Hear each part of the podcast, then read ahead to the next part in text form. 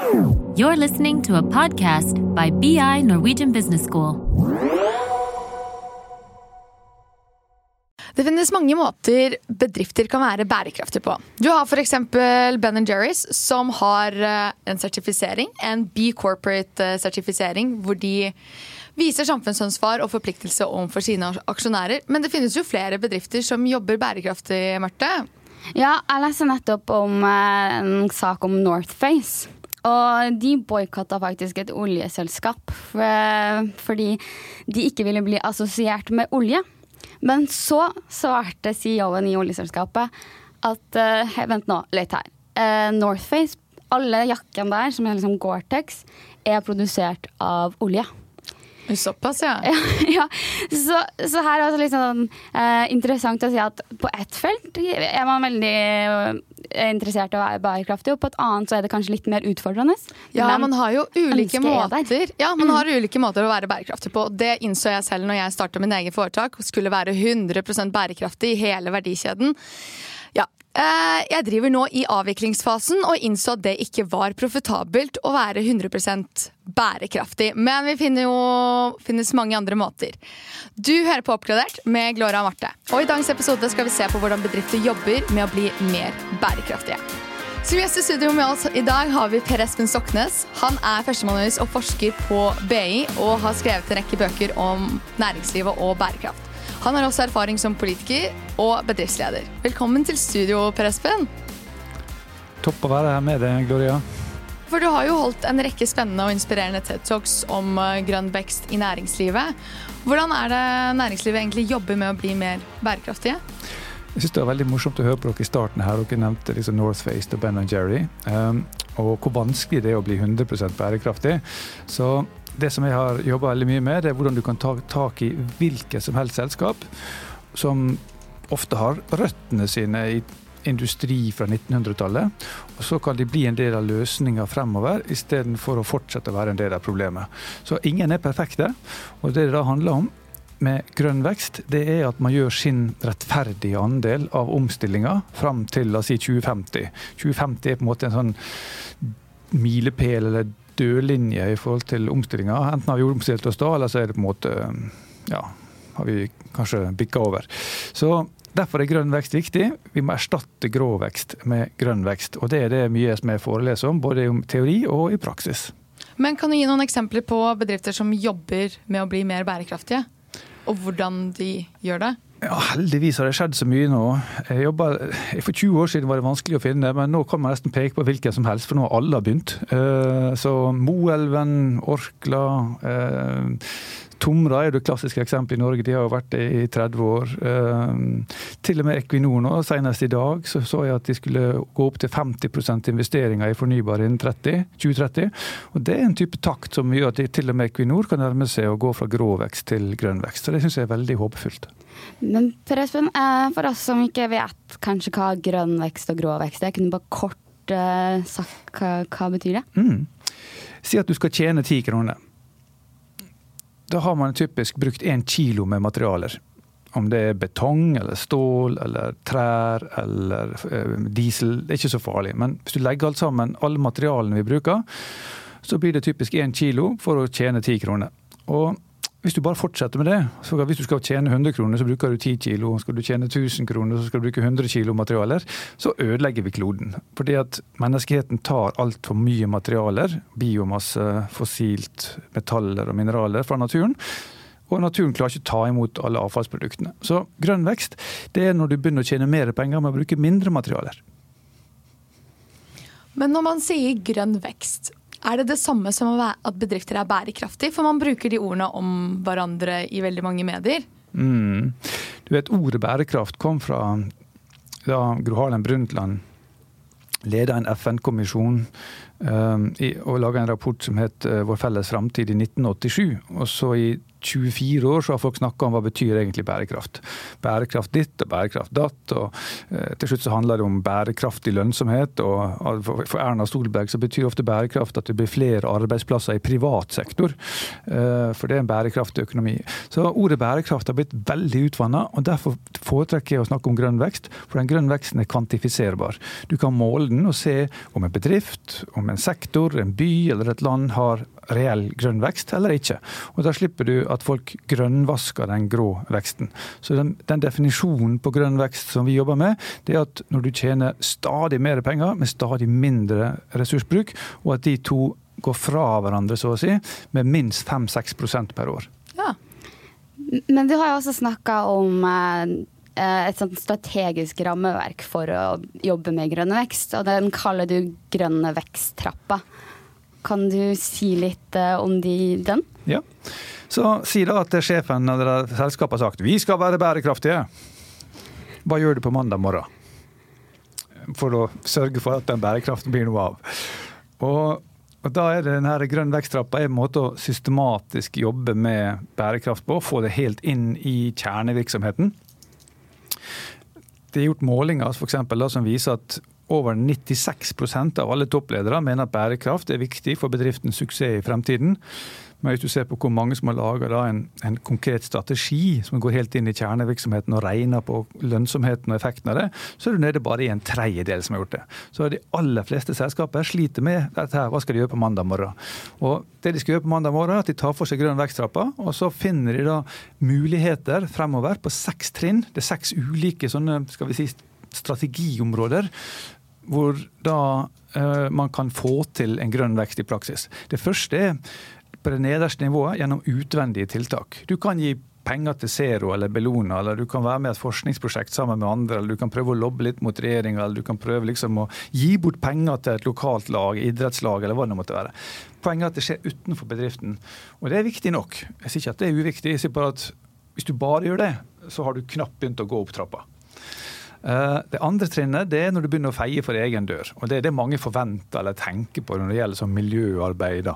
da skal du på en måte kanskje sortere avfallet på jobb, og du må etterisolere byggene dine, og du må ha solceller på taket. og Kanskje må du få inn noen ansatte og, og styre og få på plass et klimaregnskap og masse annet sånn miljøledelsessystem. Du kan bli et miljøfyrtårn. Da får du alt det der på plass. Det tredje trinnet det er når du begynner å pushe nedover i leverandørkiden din. Jeg kaller det for da, grønne innkjøp.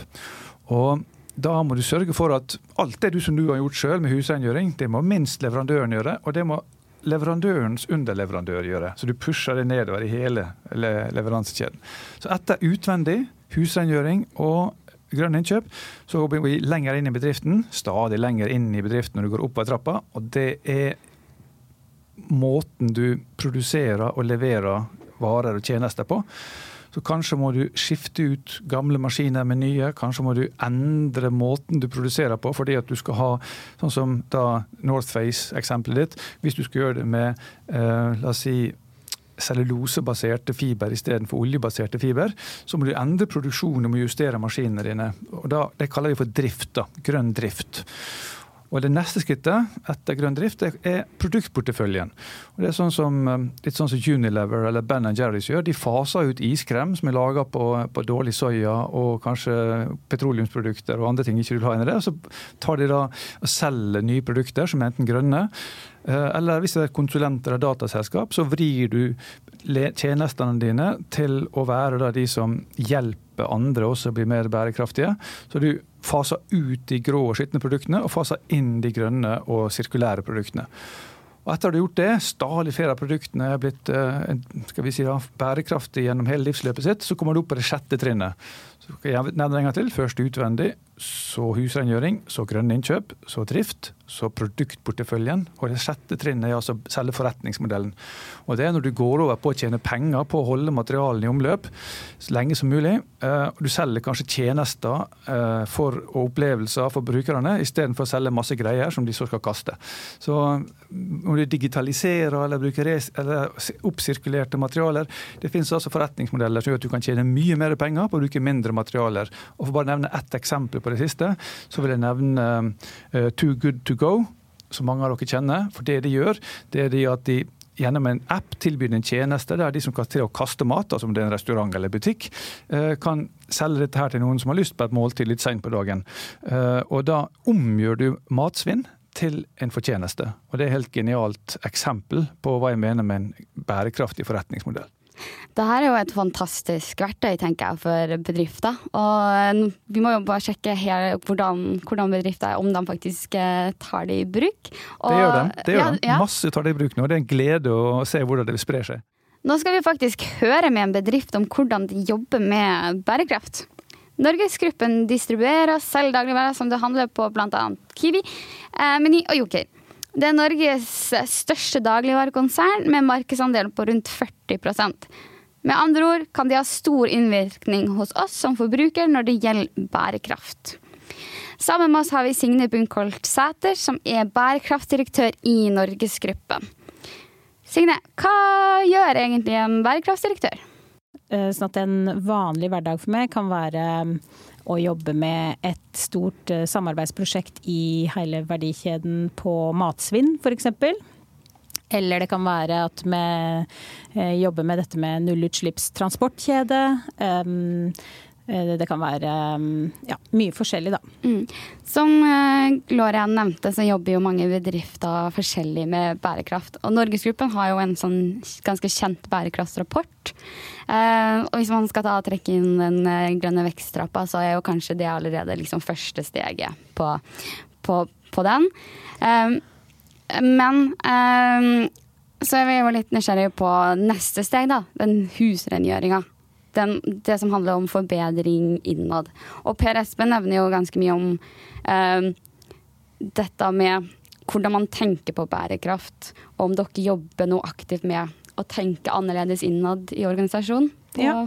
Eh, det kan jo hende Per Espen har noen kommentar på det, men jeg kan jo si raskt at uh, vi har jo i dag, så, vi, uh, så har vi jo integrert uh, bærekraftsarbeidet i, i, hvordan vi jobber. men det ligger liksom som ett av tre strategiske bein i konsernstrategien. Det er bærekraft. Eh, men Norgesgruppen var tidlig ute med miljøarbeidet. Starta ganske tidlig. Eh, nå har vi jo bare vært etablert siden 2000, for det var da liksom konsernet ble etablert.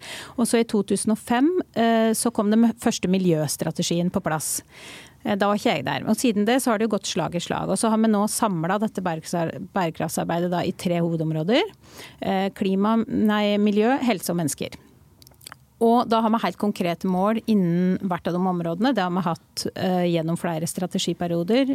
Klimanøytral innen 2030 på hele konsernet. Streng ambisjon.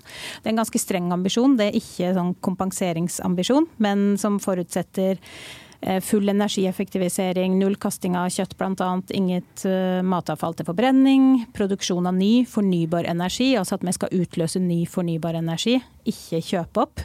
Sånn at eh, sånne type helt konkrete mål er det som trekker oss framover. Og så har vi satt mål på f.eks. produktporteføljen, som første nå i bransjen, hvor vi skal redusere Eh, klimautslippene i produktporteføljen. Så det er vel en del av et av de litt høyere stegene mm. i trappa til Per Espen, og jeg kjenner, jo, kjenner, den jo fra før også. Um, vi reduserer fett, salt og sukker i produktene hvis man har lov til å gå litt over på helse. Og så øker vi jo da inntaket av frukt og grønt. Og alt dette gjør vi jo gjennom både hvordan vi lager og produserer produktene, selvfølgelig, for vi produserer også en del sjøl og kjøper jo inn og setter krav til hvordan produktene skal være. Men det er også hvordan de plasseres i butikk, hvordan de prises, hvordan de markedsføres ut mot kundene. Eh, jeg lager mye mat eh, hjemme, eh, og da er det alltid fullt med søppel søppel. Altså eh, plastikk og, og, sånne ting. Så jeg er litt nysgjerrig på å høre om Norgesgruppen har fokus på maten, fordi det er det dere driver med. Men har dere også fokus på emballasjen? Ja.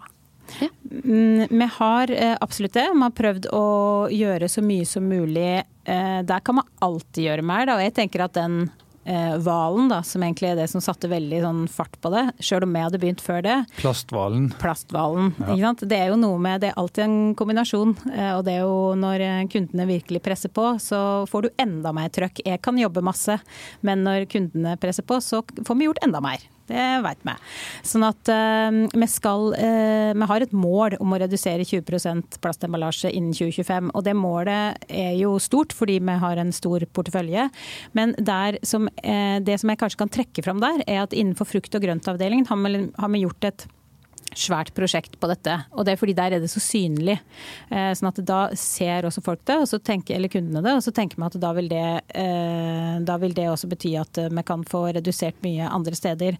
Og det var et prosjekt som ikke kom fra meg eller noen andre som jobber med bærekraft, men som kom fra eh, han som er sjef for all, all frukt og grønt da, i Norgesgruppen og noen, og noen i Bama, som tenkte at her kan vi virkelig få det til.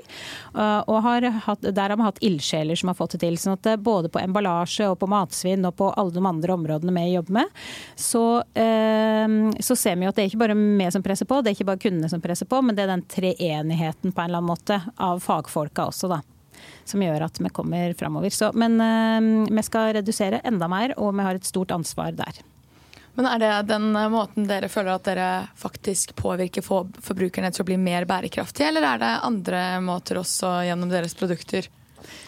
Ja, vi påvirker dem jo egentlig på veldig mange plan. Fordi at eh, du kan si Det enkleste å si er jo markedsføring og hvordan med, hvordan med, hva vi putter i reklameaviser og hva vi putter i nyhetsbrev osv. Men så er det hvordan butikken bygges opp. hvordan, eh, Bare ta et eksempel på at man har flytta alt frukt og grønt først eh, for å øke salget av frukt og grønt. Hvordan du etablerer, tar tilbake fisketirsdag for å øke inntaket av fisk istedenfor f.eks. andre animalske produkter produkter. Hvordan du priser er kjempeviktig. Eh, og det er viktig for meg å si at vi har gjort veldig mange endringer på First Price-porteføljen. Ja, for det er jo en private label som Norgesgruppen kjører. Ja. ja. Og, og liksom, det er jo ganske interessant. Hvilke endringer har dere gjort der?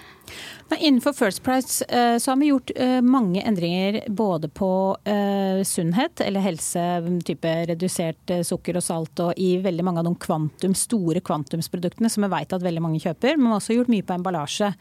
Type First Price kjøttdeig og karbonadedeig, som man kan si kanskje ikke er det mest bærekraftig produktet. Da. Det er jo blandingskjøtt osv. Men eh, der eh, har vi testa ut da en ny type vakuumering, eller teknisk, da. Med en ny, eh, ny vakuumering som både gjør at du sparer luft, så du, ikke, du kan kjøre dobbelt så mange kjøttpakker ut i butikkene. Så vil jo det gi vekst, selvfølgelig, men, men, så reduserer du emballasjen. Så det er noen eksempler. Men First Price er kanskje en av de merkevarene vi har brukt mest, gjort flest endringer på, på egne merkevarer. Hvis jeg og Gloria skulle gått inn på la oss si Kiwi, da, eh, kunne vi sett noe som er veldig typisk bærekraftig der i forhold til altså, selve utsalgsstedene? Eh, jeg kan hoppe inn der. fordi Hvis vi f.eks. tar en tur til eh, Kiwi Hokksund, så har de jo laga en fantastisk da, sånn miljøbutikk der.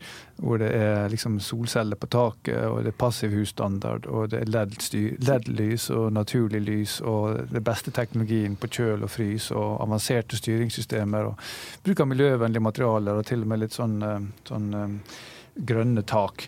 Så eh, det jeg har sett av det Norgesgruppen gjør når de bygger nye butikker nå, det er i grunnen eh, verdensledende, vil jeg si. Så det er veldig imponerende på husrengjøringsnivået.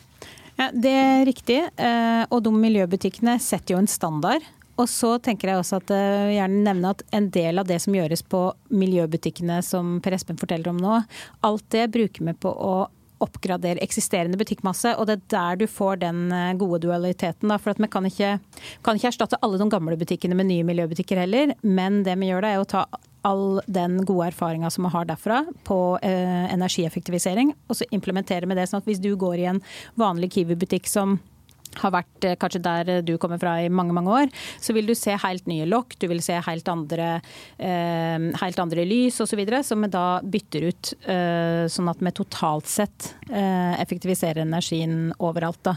Eh, og det mm, er liksom den dualismen i at du både tar tak der det monner, og så må du være visjonær på å vise hvordan framtidas butikker skal være. Nå gleder jeg meg til å gå inn i Kiwi, kjenner jeg, og bare liksom, se hva som, hva som faktisk eh, er der, og legge merke til det. For eh, vanligvis så går man uten det. Um, men nå har vi jo hørt veldig mye om, om Norgesgruppen og det dere gjør av bærekraft, så da har vi et spørsmål til Per Espen. Ja, Per Espen, Hvor eh, mener du at Norgesgruppen befinner seg i den grønne veksttrappen? Ja, La oss ta det trinn for trinn. Uh, utvendige. Um, Senest nå i forrige uke så var Torbjørn Johansson og Norgesgruppen ute med å si at de vil være med i et konsortium som skal bygge ut havvind. Uh, det er klart at Norgesgruppen er jo ikke akkurat et havvindselskap. Så her de gjør de det i partnerskap med andre, slik at det er et typisk sånn utvendig tiltak. Og de gjør det jo for at de ønsker å kunne all den strømmen som alle butikkene og alt det Norgesgruppen gjør, um, og inklusive bilene, de ønsker de å kunne sørge for å kunne kjøpe da fra uh, grønn strøm som de har vært med å investere i sjøl.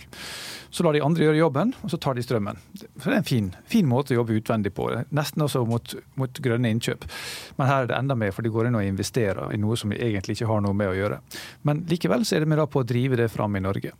Et annet eksempel er at Torbjørn Johansson i mange år har pusha politikere og sendt brev til departementene hvor de ber om da at det skal være sterkere reguleringer, eh, og, men også bedre gulrøtter for de i bransjen som går foran og sørger for å være ledende.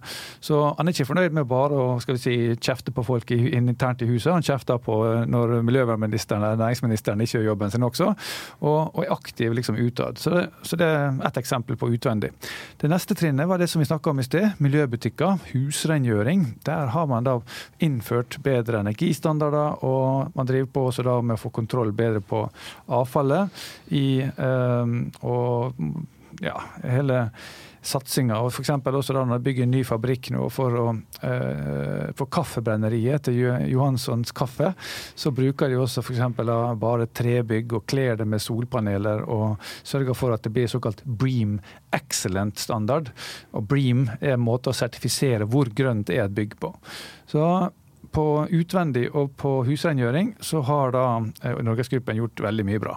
Så kommer det opp på grønne innkjøp. Og Der har jo akkurat nå Signe fortalt litt om hva de gjør, men det er klart at her har Norgesgruppen veldig mye mer å gå på. Uh, ikke minst fordi Norgesgruppen også har vært en av pådriverne for å kutte priser, og også vært med på å drive f.eks. grisenæringa til å produsere stadig mer gris til stadig verre livskvalitet for grisen, og stadig billigere soyafôr i den grisen. Så uh, her har heldigvis Norgesgruppen kommet i gang. Her er et stort område de kan gå videre på. Og så er det produktporteføljen. Uh, unnskyld, driften. Uh, og her er Norgesgruppen veldig sterk. Altså Etter utvendig så er det husrengjøring, så er det innkjøp, og så er det drift. Og drift er veldig mye sånn logistikk, fordi Norgesgruppen lager jo ikke mat. Og, så det er, er, å sørge for at maten kommer på bordet ditt gjennom butikker, eller hele veien fra, fra si, produsent til bord. Og der er det mye kjøring og massevis av lastebiler og massevis av sånn behandling av mat og emballasje. Så i driften så har f.eks. nå da Asko og Norgesgruppen Asko er jo eid av Norgesgruppen, så jeg snakker om Asko litt som Norgesgruppen også, da.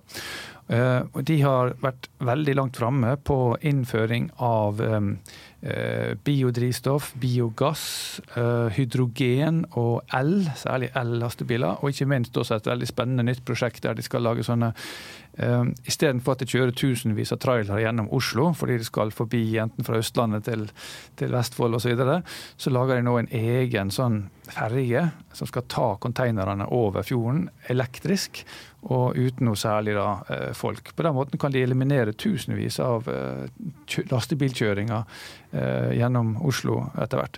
Så et eksempel på hvordan de tenker helt nytt rundt hvordan de kan drifte og levere verdi til kundene.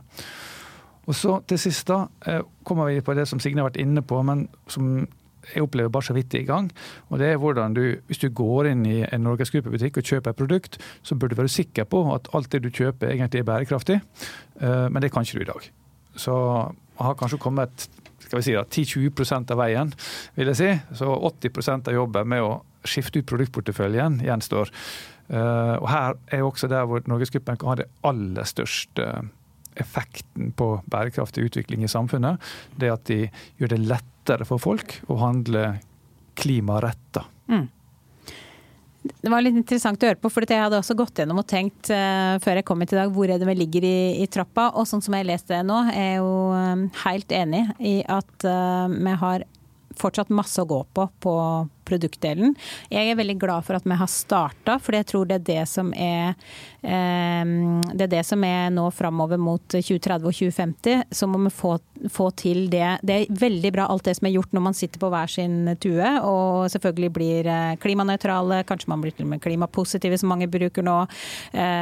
Og, og, og som sagt så er jo denne førerløse elektriske ferga, det er jo visjonære. Kaffefabrikken, alt dette er veldig gode prosjekter og, og ting man har jobba mye med. Men når vi først nå kommer i samarbeid eh, med leverandørkjeden også på lavutslipps, totalt sett lavutslippsproduktportefølje, så vil jo det være et helt nytt steg. Da. Mm. Sånn at for meg så tenkte jeg at vi lå sånn midt imellom fire og fem en eller annen plass. fordi at vi er veldig gode på drift, og vi er ganske gode på en del på produkt og, og ønsker, og kanskje særlig kanskje lenger framme på helse enn på klima når det gjelder produkter. Fordi det har vi jobba med lenger, og det har vært, der har vi nok kjørt mye tøffere. Både på mindre, mindre enn og mer enn, da, som er det vi bruker.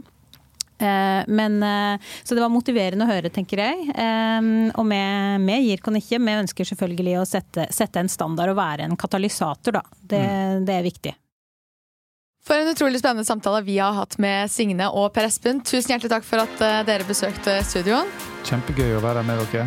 Tusen, tusen takk for at jeg fikk komme. I dag har vi snakket om hvordan bedrifter jobber mer bærekraftig. Bedrifter kan jobbe bærekraftig på flere ulike områder, enten gjennom sertifisering, verdikjeden eller selve produktene. Per Espen har i dag forklart oss veksttrappen gjennom seks steg, som er et rammeverk for bedrifter for å bli mer bærekraftige. Norgesgruppen har også forklart oss alle områder der de jobber med eh, å gå fra grå til grønn vekst. Så her har vi snakka om alt fra produktene eh, som er i matbutikken, til interiøren, og også leveransen og transporten av produkter.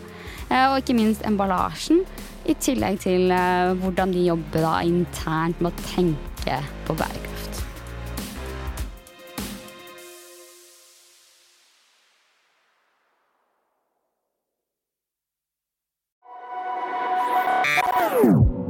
This is a BI production. Listen to more podcasts. Go to bi.no slash podcasts.